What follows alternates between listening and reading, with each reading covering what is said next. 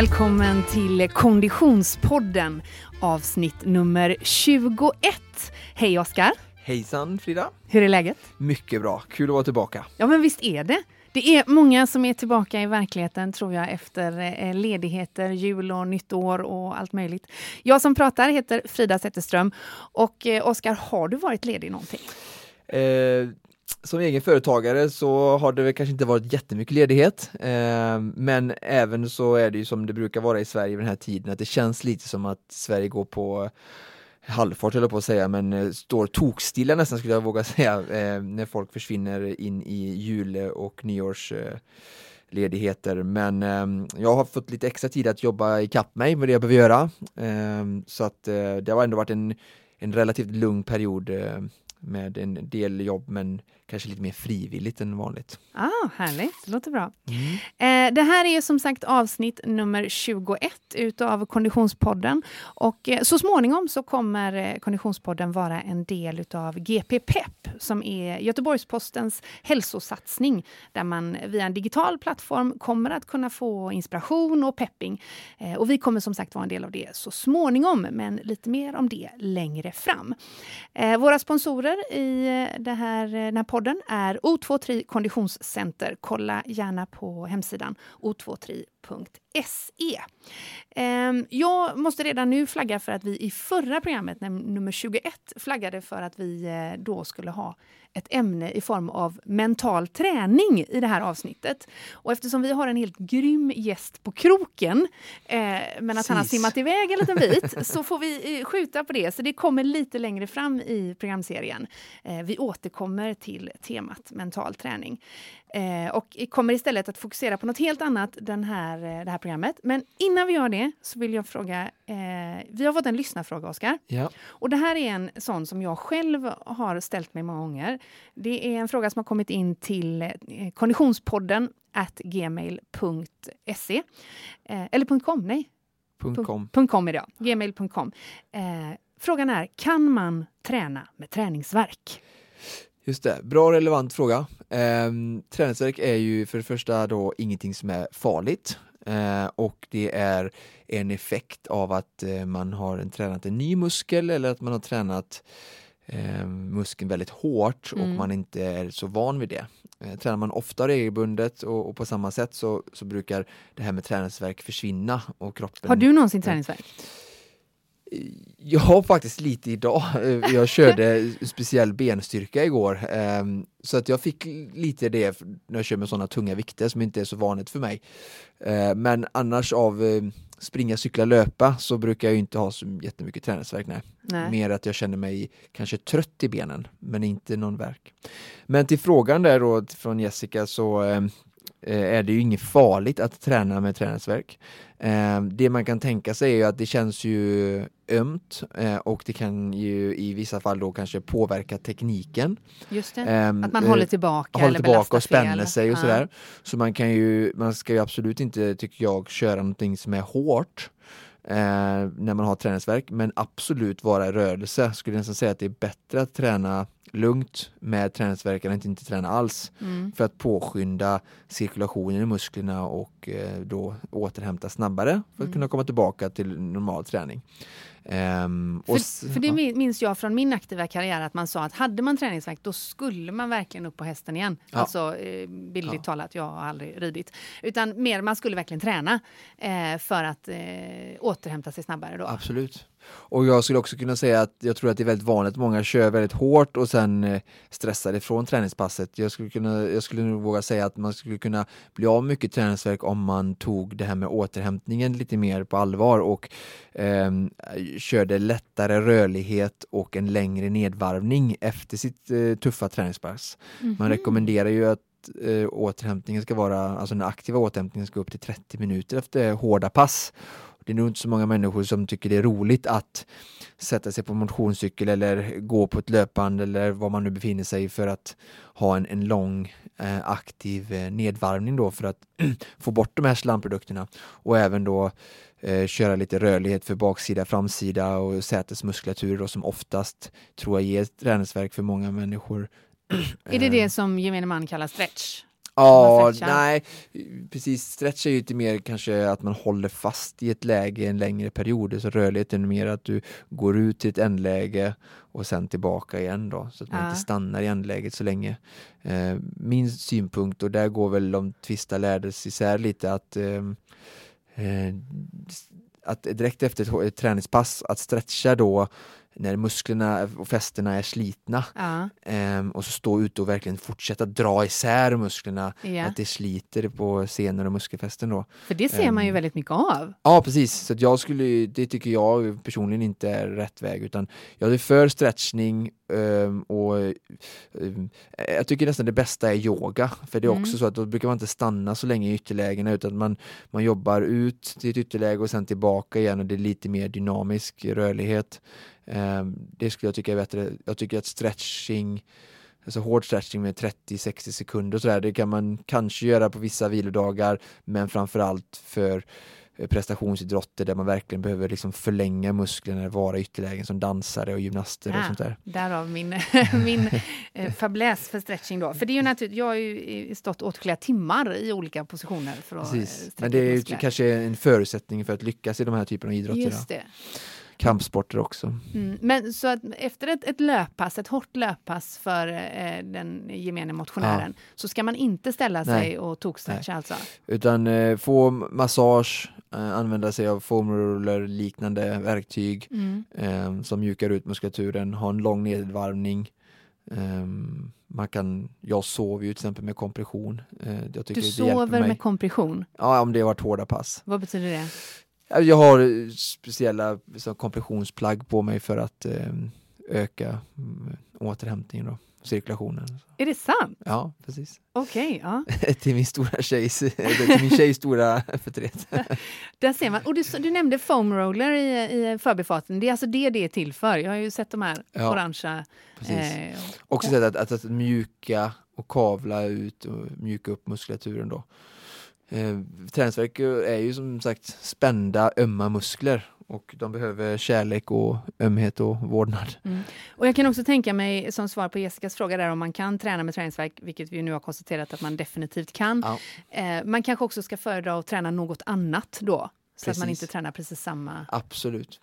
eh, man kan träna samma, eh, om som om hon har fått det av löpning säger vi, så skulle det kunna vara så om hon löper igen då, Mm. så, fast lugnt, så använder hon ju sam, aktiverar hon ju samma muskler och ökar ju återhämtning och cirkulation i just de lokala musklerna. Så att det skulle jag inte säga att det är, är dumt. Eh, men sagt, det beror lite på vad det är. Har hon kört knäböj och marklyft så kanske inte hon ska köra det som återhämtning. Eh, Nej, utan då kan man ju köra cykel eller gång eller eller eller eller, sådär. Precis, eh, simning eh, är helt okej. Eh, Mm. Men jag tror att det kanske också är ännu bättre med där man verkligen belastar på liknande sätt Mm. som när man fick. Ehm, så ja, Toppen! Tack för det svaret. Eh, Jag hoppas du känner dig nöjd med svaret Jessica. Och om du som lyssnar har några frågor att ställa till eh, Oskar eller till mig av någon outgrundlig anledning, eh, till Konditionspodden i stort så går det jättebra att höra av sig. Man kan antingen mejla till konditionspodden gmail.com eller så kan man kontakta oss på Facebook där vi heter Konditionspodden eller på Instagram där vi heter Konditionspodden. Väldigt eh, enkelt och pedagogiskt. ja, och vi har fått eh, faktiskt jättemycket frågor via vår Facebook Ja, ja. eh, och via meddelanden där, där. Så att, eh, jag skyndar mig och försöker svara så fort det går. Eh, men det är jätteroligt med så stort intresse så att, eh, fortsätt gärna med eh, era frågor där också. Ja, precis. För du är ju även inne och svarar eh, personligt där eftersom många saker är väldigt konkreta för en person. Kanske. Precis, precis. Jag flaggade ju då för i förra och förrförra avsnittet för att vi nu ska börja redovisa våran träning. Ångrar ju mig bittert för detta redan, men så är det. Eh, och eh, när vi spelar in det här avsnittet så har det alldeles nyss varit långledigt, åtminstone för mig. Eh, och jag tog dig på orden, Oskar. Eh, för du sa, ju innan, du sa ju innan jul och nyår, så sa du att ja, men då kan man satsa på mer så här familjemässig eh, Aktivitet. ute och röra sig aktivitet. Bra. Exakt. Så det, där har mitt fokus legat. Det Kan är jag en sån aktivitet man inte får logga med sin eh, pulsklocka. Det har inte loggats något med några pulsklockor överhuvudtaget kan jag säga. Men det har varit en del rörelse. Men eh, ute i skog och mark, eh, runt Svarte Mosse i Kungälv där jag bor, eh, och ute på Körn och så. Eh, och eh, även en del stretching då eftersom jag som gammal gymnast eh, våndas över hur korta mina muskler har blivit. Det är hemskt för, för, en, eh, för mig. Eh, så det har jag gjort lite, men ja. inte så mycket mer än det. Så jag tycker att vi hoppar direkt in i ditt träningsschema, Oskar. Och nu har du tagit fram det här, jag blir helt fascinerad. Vad är det du sitter framför? Ja, men nu har jag ju då eh, Polar Flow, står det. Ja. Eh, vilket ju då är ett träningsschema som säkert många känner till. För mig är det nyheter. Eh, men jag går in och tittar här då, Oskar, och tittar mm. bland annat på den 24. Just alltså, det. my God. 24, Oskar, då är det ju julafton. Just det. Vad gjorde du då? Jag kanske var ute och sprang. Du var ute och sprang väldigt länge. Just det, i Sandsjöbacka naturreservat. Jag bor i närheten där så man får passa på. Eh, det var, jag jobbade inte den dagen så att eh, då får så man ju passa på att träna. Alltså Oskars eh, konditionsschema, det får berätta för lyssnarna här då eftersom det här trots allt är podd och inte eh, bild. Men det, den här bilden jag får upp då från, är det Billdal du utgår från någonstans där tror jag? Just det. Det, det, ser mer ut som liksom gränsdragningarna i en större svensk kommun än ett löprunda. Hur länge, du får hjälpa mig att tida detta. Hur långt har du sprungit här? Eh, fyra mil är det ungefär. På julafton? Precis, i eh, Sandsjöbacka. Jag var, jag var faktiskt ensam, det var lite tråkigt men eh, det var inte så många ute då. Men det var väldigt lugnt och eh, ja, väldigt eh, trevligt. Ja. Här har man en, en knapp här så ser den funkar, det står återupplev. Återupplev? Eh, så, så Gud, det vet jag inte vad jag vill göra. Se här. Spännande, det kommer till och med ljud här. Jösses! Ja, så lite sneda bilder här också. Eh, och då, det här är alltså då ett eh, träningsschema som du fyller i? Eh, nej, jag är klockan. Det är klockan så, som i? Eh, loggar jag upp min logga från ehm, eh, min klocka upp till det här då Polars plattform där eh, Eh, så man kan få liksom sin träning loggad så man kan gå tillbaka och se vad man tränat. Och nu ser du en film här lite då vad jag startade. Så kommer Just lite bilder det. från Google Earth.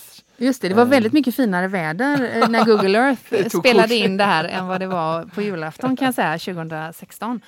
Men okej, okay. och så följer vi med här då. Du har helt enkelt, hittills har du sprungit 55 minuter. Eh, du springer vidare, hamnar på en maxpuls på 166 slag per minut ser jag på en den här sträckan. Då. då. En uppförsbacke då ja. Eh, och sen springer du vidare söderut springer du nu och landar Nere i Valda. Nere i Valda. Då har du sprungit i två timmar, 29 minuter och 51. Jösses namn, Oskar! Nu är du tillbaka. Och hur långt har du sprungit då? Ska vi se då? Då har du alltså sprungit jag tror inte allt med, men eh, ja. Den sträckan 34. blev 34. 3,4 mil. Mm. Tog du en liten tur på julafton. Ja. ja. Om vi backar tillbaka till att se träningsschemat. För att om, om vi nu, de här veckorna som har varit måste vi ändå säga har varit lite speciella eh, i och med ledighet och eh, för vissa innebar det då ännu mer träning och för vissa andra innebar det familjeaktiviteter. Allting måste stå i, i relation till vad man har för mål i slutändan. Just det, precis. Eh, nej, nu gjorde jag för något fel här. Men det, man säger, du sprang där då tre och en halv timme på, på, eh, på lördagen. På mm. söndagen så cyklade du i tre timmar sju och sju minuter. Ja. På måndagen så står du still i den här gubben. Vad gör han då? Eh, det var nog styrketräning på gymmet. Styrketräning på gymmet i en timme. Eh, dagen efter det, det är vi framme på tisdagen, så har du cyklat i två timmar och två minut, nästan tre minuter. Ja. Dagen, du gör verkligen någonting sånt här varje dag, Oskar. Det är helt ja, fantastiskt. Och som sagt, de här fyra simpassen i veckan, de finns det inte ligger med. inte med här då, nej. Nej, just det. De får man lägga in manuellt. På onsdagen så har du sprungit en timme och två minuter. Gud, vilket kort pass! på torsdagen, och herregud vad massa saker det var här. Jag orkar inte ens redovisa. Här har vi en tom dag. Ja. Dagen före nyårsafton. Just det. Eh, då simmade jag bara. Då så jag hade lite bara, vilodag. Ja. Okay. Medan på nyårsafton så var du på två skidpass. ett löppass tror jag det är ett och löppass, ett, ett rullskidspass. Ett ja. rullskidspass på två timmar och tio minuter och ett löppass på eh, en timme drygt. Och avslutningsvis, när vi nog framme en vecka har gått, söndagen efter nyårsafton, låg du inte och ångrade gårdagens party utan du cyklade i två timmar och sju minuter och sen rullskidor i en timme. Ja, ja du! Nej, men jag stretchade lite på bänken där uppe i Svartemosse. Ja, vi lämnar veckans träning, tänker jag. Känner du dig Ja, jag tycker vi lämnar det. vi lämnar veckans träning och så går vi in på eh, det här eh, avsnittets ämne. Och då är det så att det här leder in i förra programmet. Förra programmet som var nummer 20 då vi pratade om motivation, då vi gästades av Konditionspoddens producent Niklas Axede. Eh, vi avslutade det programmet med att konstatera att det som han verkligen behövde för att motivera sig själv var ett schema över sin träning. Och det leder oss in i det vi ska prata om idag, nämligen hur schemalägger man egentligen sin träning? Um, och hur, hur, hur, gör man det bäst? Och varför ska man göra det? Uh, om vi börjar med, med frågan varför ska man bry sig om att schemalägga? Precis, jag tror att vi var lite inne under detta på vi pratade om motivation mm. och då sa vi det att eh, det är så himla viktigt att göra eh, träningen verklig och ge den plats i sin vardag.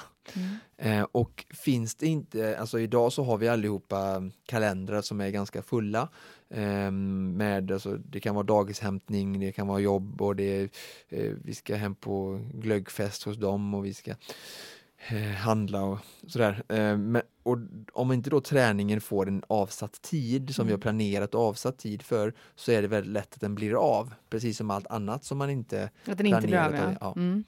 Så att eh, därför är det så otroligt viktigt att eh, planera sin tid idag. Mm. Eh, och, och likaså då eh, handling, lag, matlagning och träning. Mm. Och det här tror jag inte, jag tror att många har svårt för det och det handlar inte kanske om ovilja utan mer att man, det är inte, man är inte van vid det.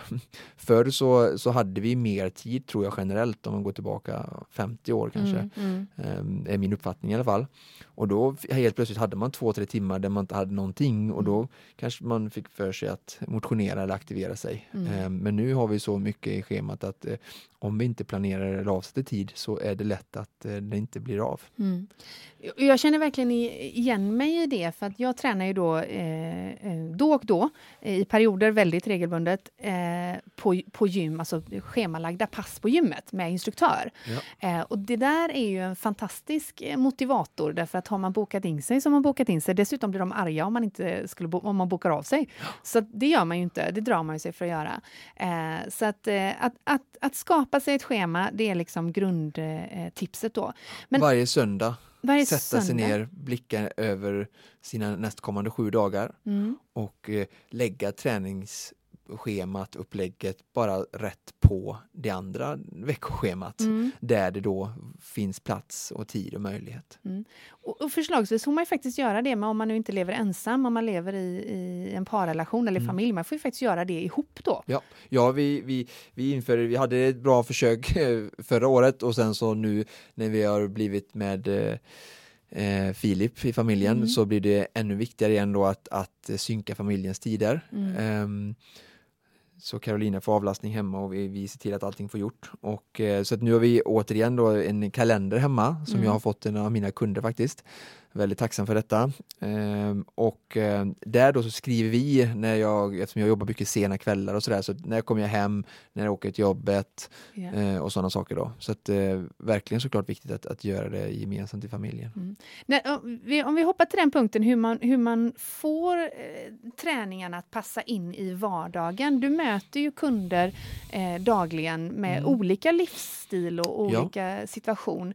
Eh, finns det något universaltrick? Liksom? Finns det någon tid som du märker är lättare för många? Eller hur, hur, hur funkar det, tycker du? Att få träningen att passa in i vardagslivet? Ja, alltså det finns ju liten eh, det är, det är frågan hur man ska stryka medhårs mm. eller om man ska vara militärisk. Det verkar inte vara din grej tycker jag. Fast jag har ändå fått lära mig att, att jag, i början var jag kanske lite mer kategorisk och eh, jag är ju militär i grunden också och eh, det är lätt att man eh, får med sig det mm. in i vardagliga livet. Eh, och då är det ju en klyscha det här att eh, det är alltid bäst att träna på morgonen. Yeah. för att då sover du ju annars. Så Ja. att om du går upp sex istället för sju så hade du sovit en timmen och så går du och lägger dig en timme tidigare och skippar sista tv-programmet Mm. och så är liksom ekvationen löst. Men eh, det är ju en sak att säga det och vara väldigt hård, men om inte det funkar i realiteten hos den människan för att den är morgontrött eller den har en viss, eh, alltså det med barnen vaknar och de ska köra ett dagis och sånt där, så kanske inte det funkar eller den personen kanske behöver sin sömn eller den vill inte gå upp och träna sex. Mm. Då funkar ju inte den här hårda kategoriska klyschan eller tipset. Eh, och då har jag liksom lärt mig att då, det är ingen idé att stånga sig blodig för att jag vill eller tycker någonting utan det gäller för varje individ att hitta någonting som fungerar. Mm. Fast det måste ju finnas en annan, en annan funktion med att just starta med träning och det är väl ändå att man blir smartare av motion, tänker jag. Alltså att man får... Ja, det är, precis, nu pratar vi ju inte om eh, hur man ska få träningsschemat att fungera utan nu mer eh, fysiologiska och, och positiva synergieffekter av träning och självfallet så är det så att jag tror att alltså, om man tränar och sen är vi klar med träningspasset då känner man, får man ju en endorfinkick och Mm. sånt där och man får adrenalin som, som kommer ut i, i blodet och kroppen och det i sig gör ju att man känner sig mer lustfylld och som, eh, redo att attackera dagen, det är jag helt övertygad om. Men jag menar, det är inte säkert att alla människor ändå eh, kommer att orka att komma till Nej. träningspasset. Sen så kan vi säkert vara alla överens om att efter träningspasset skulle 99% ha den känslan.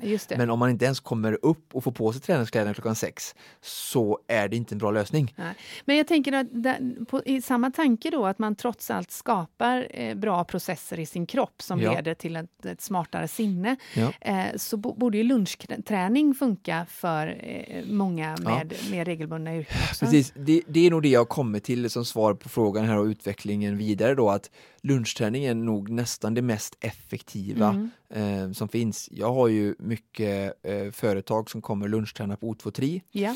Och eh, många människor har ju ändå så att man kan nagga lite i kanterna om man är effektiv på jobbet, om man är på jobbet en kvart tidigare och man går sen 20 minuter senare så har man kanske gett sig en 45 minuter extra på lunchen och så äter man på en halvtimme istället för en timma. Mm. Så har man helt plötsligt sytt ihop en timme eh, avsedd för träning. Och kan man göra det tre gånger i veckan så, så kan man fortfarande lämna på dagis kanske och man Mm. kan hämta eh, och man tränar eh, i anslutning till jobbet då. Ehm, så att eh, lunchträning är eh, som jag tror för de flesta det, det bästa är faktiskt. Mm. Ja, men det, det, jag, jag köper det. Verkligen. Om man bara ska träna säger vi tre gånger i veckan så. Mm. Och, och på just den, eh, håll den tanken då hur, Mm. hur många gånger man ska träna. Därför att jag, jag förstår att det, det finns inga generella svar på detta, men om vi ändå försöker hitta någon form av eh, tips. Eh, hur många pass i veckan är optimalt? Du nämnde tre redan förra programmet, vet jag. Mm. Eh, vad, för, för vem är det optimalt med tre pass i veckan, skulle du säga? Eh, Den som inte orkar mer. Precis. Ja. Eh, nej, men eh, för alla. Jag skulle säga att eh, jag tror att precis jag nämnde det sist att tre pass, eh, 30-60 minuter svett Mm. och så sex stycken timmar eh, med eh, fysisk aktivitet. Det är veckodosen för en hälsosam kropp, Mm. varken mer eller mindre.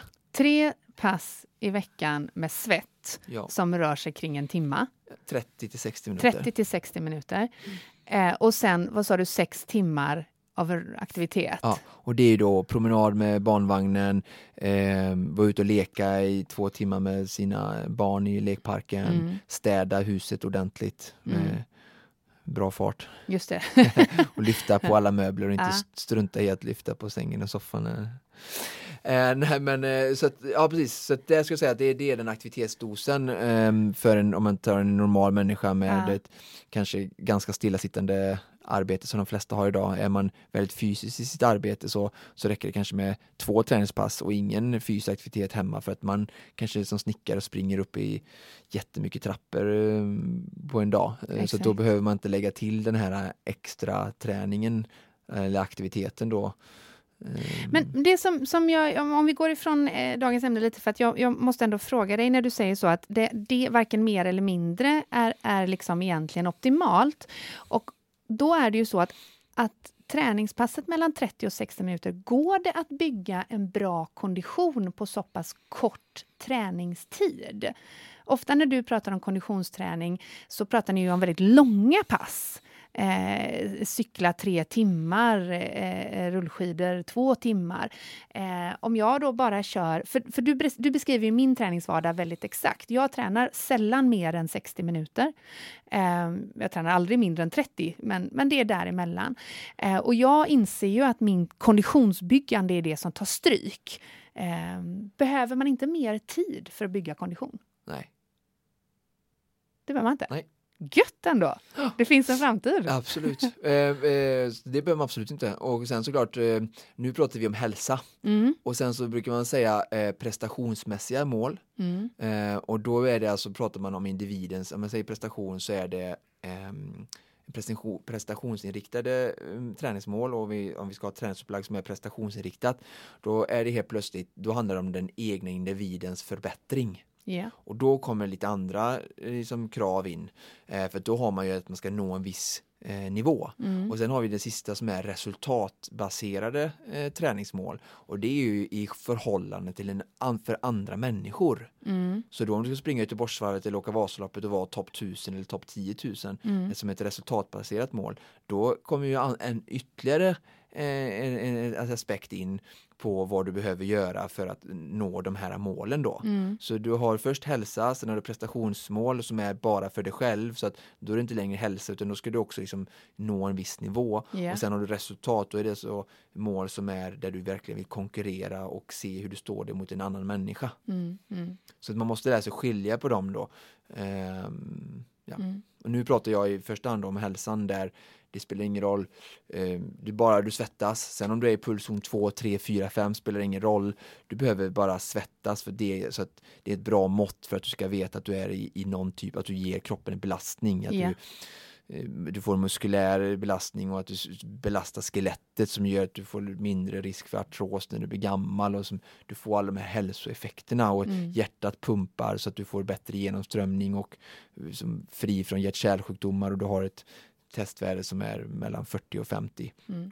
Det är ju det som är syftet med de här, det här receptet jag gav först. Ja. Men om vi, om vi steppar upp oss från Mm. det receptet. Om Ja. vi då tittar på eh, en eh, mer än eh, medelmåttig motionär som Ja. ska springa Göteborgsvarvet.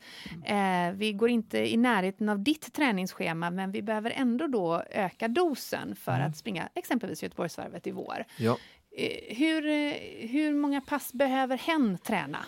ja eh, då är det det första man måste ta i aspekt och det viktigaste det är var hen befinner sig nu. Mm. Eh, hur mycket, alltså jag kanske är, går från, som då vi pratade om det här, min stora fadäs för nyårslöften, men vi får ändå acceptera att det är många som vill ha en ny fräsch kickstart nu. Ja. Eh, och om de är från typ eh, noll och inte där du är ens, eh, Nej. så är det så att man måste börja där Ja. ifrån. Eh, Men äh, våra lyssnare är nog inte på noll, det tror Nej, jag inte. Utan jag nej. tror att de är, kanske, de är nog en, en, vanlig motionär, många. ja, Så- och vad, vad innebär det? Ett till två träningspass i Ja, veckan? ja, eller kanske till och med upp till tre, men man vill Ja. nu då börja springa på riktigt och man vill börja liksom köra Göteborgsvarv och kanske fler. Precis. Då skulle jag säga så här att om vi säger att det är eh, 12 veckor kvar. Ehm, vad är tre månader, det är lite mer, det är 16 veckor. Då kan man k- kanske köra eh, fyra veckor nu eh, basträning med bibehållen ehm, träning tre dagar i veckan. Ja. Ehm, och sen så vill man öka då, eh, för att man vill ha en progression och då brukar man öka på kontinuiteten alltså eller träningsfrekvensen som det kallas för, alltså hur mycket man tränar. Mm. Så då brukar man öka den i första hand. Snarare än hur länge man tränar. Precis. Eh, och så man brukar öka först träningsfrekvensen Mm. och sen längden Mm. och sen sist intensiteten. Ah, åh, vad fel jag skulle ha gjort känner jag. Ja. Jag skulle öka Så, in- att, eh, precis, intensiteten så det är en väldigt bra och naturlig progression. Så att om man lägger ut det här då för sig själv fram till Göteborgsvarvet så ska man först börja eh, lära kroppen att träna tre gånger i veckan på en o- behaglig nivå. Ja. Eh, och sen så ökar den till fyra och sen kanske till fem. Och fem kanske om du har krav, du vill springa under eh, 1,50 på varvet eller du Mm, har som mm. ganska högt satta mål så. Så kanske det är där du ska stanna, du behöver inte träna mer än fem gånger i veckan. Eh, och sen när du känner att jag klarar detta med mitt liv och återhämta och träna fem, då kan du börja liksom öka ehm, Längden. längden, alltså träningstiden. Eh, och sen i de sista åtta veckorna så börjar du fokusera på att verkligen nu kan kroppen ha fått en bra bas, en grund och den kan träna många minuter per veckan. Då börjar du lägga in specifik träning för varvet då, alltså man kan träna både högintensivt och, och kort och sen så även mycket då träning i den tänkta Mm. eh, fa- tävlingsfarten. Mm. Jag tror att det är många som negligerar att jag måste bli, få en bra arbetsekonomi i den farten jag vill tävla i. Om jag bara kör spurter eller jag går på sån här lunchspinning på jättehögt och svettas och hjärtat slår max så är det jättebra med sådana pass men eh, till en viss del för att trimma din inre motor men du måste ändå lägga huvuddelen av träningen med mycket tävlingsfart. Ja, just det. Gud, Så det är tråkigaste verkligen. Ja, den är tråkig. Den är, så här, den är, det är inte max, men den är ganska lång och Ja. den, den är så halvjobbig hela tiden så det kan vara lite tröstlöst för många att göra det. Ja. Och då är det så att då kanske man ska strunta i det, men då kanske man får sänka sina mm, krav också. För du kommer liksom inte orka i spinningfarten. Det, Nej, precis. Det är ju Nej. ingen som gör. Nej, men, nej, men det, Nej. det, är verkligen, det är verkligen sant. Mm. Men jag bara upprepar vad du sa, för att det här var lite nyheter för mig. Men Ja. att, att, alltså att först öka antalet träningspass i samma takt som det, träningsfrekvens i samma takt som du redan håller, eh, i samma längd som du redan håller, men fler Ja. sådana i veckan. Ja. Och sen först efter det lägga på och träna Längre tid. längre träningspass. Ja, och då är det liksom att du har en kanske en i det här fallet en ganska kort tid fram till varvet så kanske du ökar med 5 till 10 procent Mm. per vecka. Just det. Om Så du har ett distanspass. Ja. Ja, inte alla passen, Nej, men nej. om du har ett distanspass då och du ska börja öka det efter de här, den här första eh, träningsfrekvensprogressionen så ökar du med 5 till 10 procent, så från en timme till en och tio och så ökar kanske 5-10 procent per vecka då. Så Inte undra upp. på att man behöver en träningsdagbok helt enkelt. Nej, precis, för att ha koll på detta. Nej. Eh, Mycket nästa, bra input. min nästa eh, punkt på, på eh, dagordningen för det här programmet vet jag är en hjärtefråga för dig, eh, Oskar. Eh, därför att du sa vid ett tillfälle när vi spelade in eh, ett tidigare program för några veckor sedan att den som kommer att segra det är den som har vågat vila mest. Mm. Det vill säga vilodagar. Hur viktigt är det egentligen? Ja, ehm, det är ju, får vi ursäkta eh, lyssnarna här att vi upprepar oss här igen, men återigen beror det lite på vem det har att göra med. Ehm, jag skulle säga så här, min första blir så här att vilodagar är inte viktiga. Inte viktiga? Nej, inte viktiga. Eh, jag tror att det som är det, som är det viktigaste, Ja. det är den totala eh, återhämtningen. Alltså hur bra är vi på att, som jag sa, jobba med nedvarvningen? Hur Ja, bra är vi på att faktiskt återhämta mellan passerna? Vad gör vi mellan passerna? Alltså har du ett stressigt liv, du jobbar jättemycket och du, du fyller liksom timmarna mellan två träningspass med dålig sömn, dålig kost och mycket stress. Ja. Då spelar det ingen roll om du hade en vilodag för du har ändå pajat liksom, träningen på grund av massa andra faktorer. Ja. Ehm, så att vilodagen, ehm, alltså därför menar jag att man behöver inte fokusera på att ha vilodagar utan Nej, för du har ju faktiskt inga vilodagar i ditt schema. Nej precis. Eh, och det är ju så att men jag har ju nyans, en nyans på Du har jättemånga träningsprogrammet. vilodagar. Eh, att jag, jag ser ju till att jag tar det väldigt lugnt kanske en dag i veckan där jag gör väldigt låg intensiv träning och för min kropp då som är relativt tränad så blir ju det som en, en återhämtning i Mm. relation till vad den brukar göra. Mm. Att cykla tre timmar ganska hårt kontra att simma en timme lite lugnare. Det är väldigt avsevärd stor skillnad. Så att på det sättet kan man ju då med viss modifikation säga att jag har vilodagar men att de är aktiva för att eh, om jag sitter helt stilla så kanske kroppen blir, eh, ja den mår inte bra av det utan den mår bra av att återhämta alltså aktivt. Och det tror jag vanliga människor som inte tränar mer än tre gånger i veckan också mår bra av att inte ha en dag där man liksom är helt stilla utan en vilodag då kan ju vara att man promenerar en timma Mm. eh, för att vara i rörelse. Men, men det, vilodagen, släpp den och så fokusera på hur återhämtning är mellan passen i livet i övrigt. Och då är det alltså att sömn som vi var inne på sist, det är en jättestor bov till, till sjukdom och vad ska man säga, eh, dålig träningsuppbyggnad eh, eller progression. Mm. Men, men faktum kvarstår ju att det finns en hel del som stressar och sover dåligt eh, Ja. och kanske till och med äter dåligt. Ja. Eh, och, och naturligtvis så förstår vi ju allihopa när vi lyssnar på dig och när vi tänker efter att det vore bättre att inte göra det, stressa, sova dåligt och, Ja, och äta dåligt. Men, men man kanske inte heller bara ska lägga sig platt och bara ge upp för att man har då dålig sömn och dålig kost och ett Nej, stressigt nej, liv. nej. Utan om man nu tar in träningen som en motverkan i det och någonting som är positivt. Så om man då satsar på Göteborgsvarvet och man accelererar och ökar sin träning, då kanske det är viktigt att trots allt eh, Ja, vi planera sa ju, in vi sa ju att, eh, vi sa ju att vi hade tre eh, träningspass i Mm, början då, då mm. blir det ju fyra vilodagar. Just att, eh, det, där, där, där, den kom av sig själv helt enkelt. Ja, ja det, det är bra Oskar. Men det blir så här, just själva begreppet vilodag ibland, det kan vara så här, "Ja, jag har vilodag idag, så, så lägger man sig och så gör man ingenting och så blir kroppen liksom bara, inte alls, men man, man kan vara lite aktiv, är det Ja. jag menar. Så att, eh, och sagt, den får lite mycket fokus ibland, så jag vill flytta fokuset från vilodag, för vilodag kommer alltid, om man är en vanlig eh, Mm. eh, familjeförälder så, så kommer det alltid vilodagar där kroppen får återhämta, man inte hinner träna för att man måste ta hand om sina barn Mm. eh, då kommer de naturligt. Så att, eh, släpp fokus på dem lite utan att det är viktigare att försöka fokusera på återhämtningen efter och Efter passen också. mm. Ja. Ehm, om man tittar på hur man ska fördela eh, olika träningsformer eh, under ett, ett träningsupplägg i, under en vecka. ja. Eh, om vi fokuserar på, eh, på löpning eller konditionshöjande träning. Mm. Eh, vi, vi tar tillbaka tanken till hen som ska springa Göteborgsvarvet om några Mm. veckor. Ehm, Några månader långdistans- får vi säga, Om va? några månader är det Ja, naturligtvis. ja. Eh, långdistans, eh, intervaller. ehm, hur, hur, hur ska du lägga upp en vecka tycker du? Först då kommer vi till den här periodiseringen lite som vi pratade om. Mm. Alltså att den veckan som är nu ska ju inte vara lik den veckan som är i mars eller sen är framåt i april. Just det. Så först har man då att man ska liksom differentiera periodisering och det har vi gjort lite när Mm. vi pratar om att vi ökar ehm, eh, träningsfrekvensen. Mm. Och när vi ökar träningsfrekvensen då kan man i princip, tycker jag, bara ha eh, lugn eller medelhård, medellugn, eh, lugn till medel eh, intensitet på passen och de kan vara ganska lika. Mm. Ehm, sen beroende på vad det är för personer och har för krav och sådär, eller så här, eh, för eh, förutsättningar så kan det vara väldigt bra för en löpare att lägga in styrka i ett Ja. av de här passerna.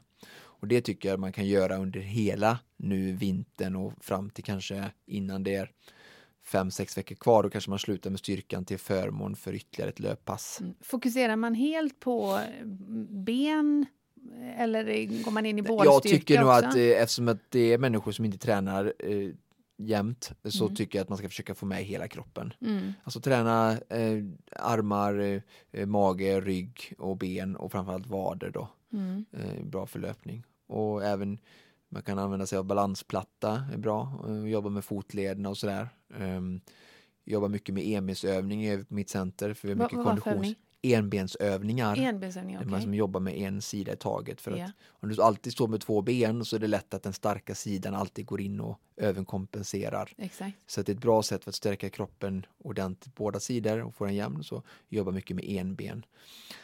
Eh, och då kan man göra utfall framåt, bakåt, åt sidan. Är bra. Eh, enbenshopp upp och ner. Ehm, så att man verkligen jobbar förebyggande för att ha en, alltså löpning är ju, har en väldigt stor impact på, på kroppen och fotleder, knän och vader som, som tar mycket eh, kraft och även höfter. Mm. Ehm, så att styrketräning är- för löpare är väldigt viktigt. Mm. Märker du att det är någon speciell muskelgrupp som många missar eller borde fokusera mer på? Finns det någon sån? eh, Ja, det, där, jag, det där är jätteovanligt, alltså, eller vanligt, eller så, individuellt. Förlåt.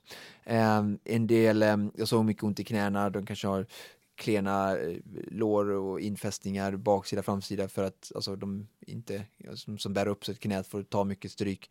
Ehm, vissa kan vara eh, sätet, medius, man man faller igenom i löpningen så att den är väldigt svår kanske ibland och man inte har professionell hjälp att Är det då det hitta som sätter sig träna. bak i ryggen också? Ja precis, som en klen rumpa och ibland ryggen precis att man har lite ankstjärt och man en klen rumpa och inte en aktiv rumpa när man springer. Nu kommer vi in på löpteknik här men Mm. då blir det ju så att ländryggen får ta mycket stryk och så många blir stumma där. Mm. Ehm, även baksidan då blir man stumma. Ehm, så att ibland kan det ha med löptekniken att göra, eller ofta och har det alltid någonting med löptekniken att göra. Då.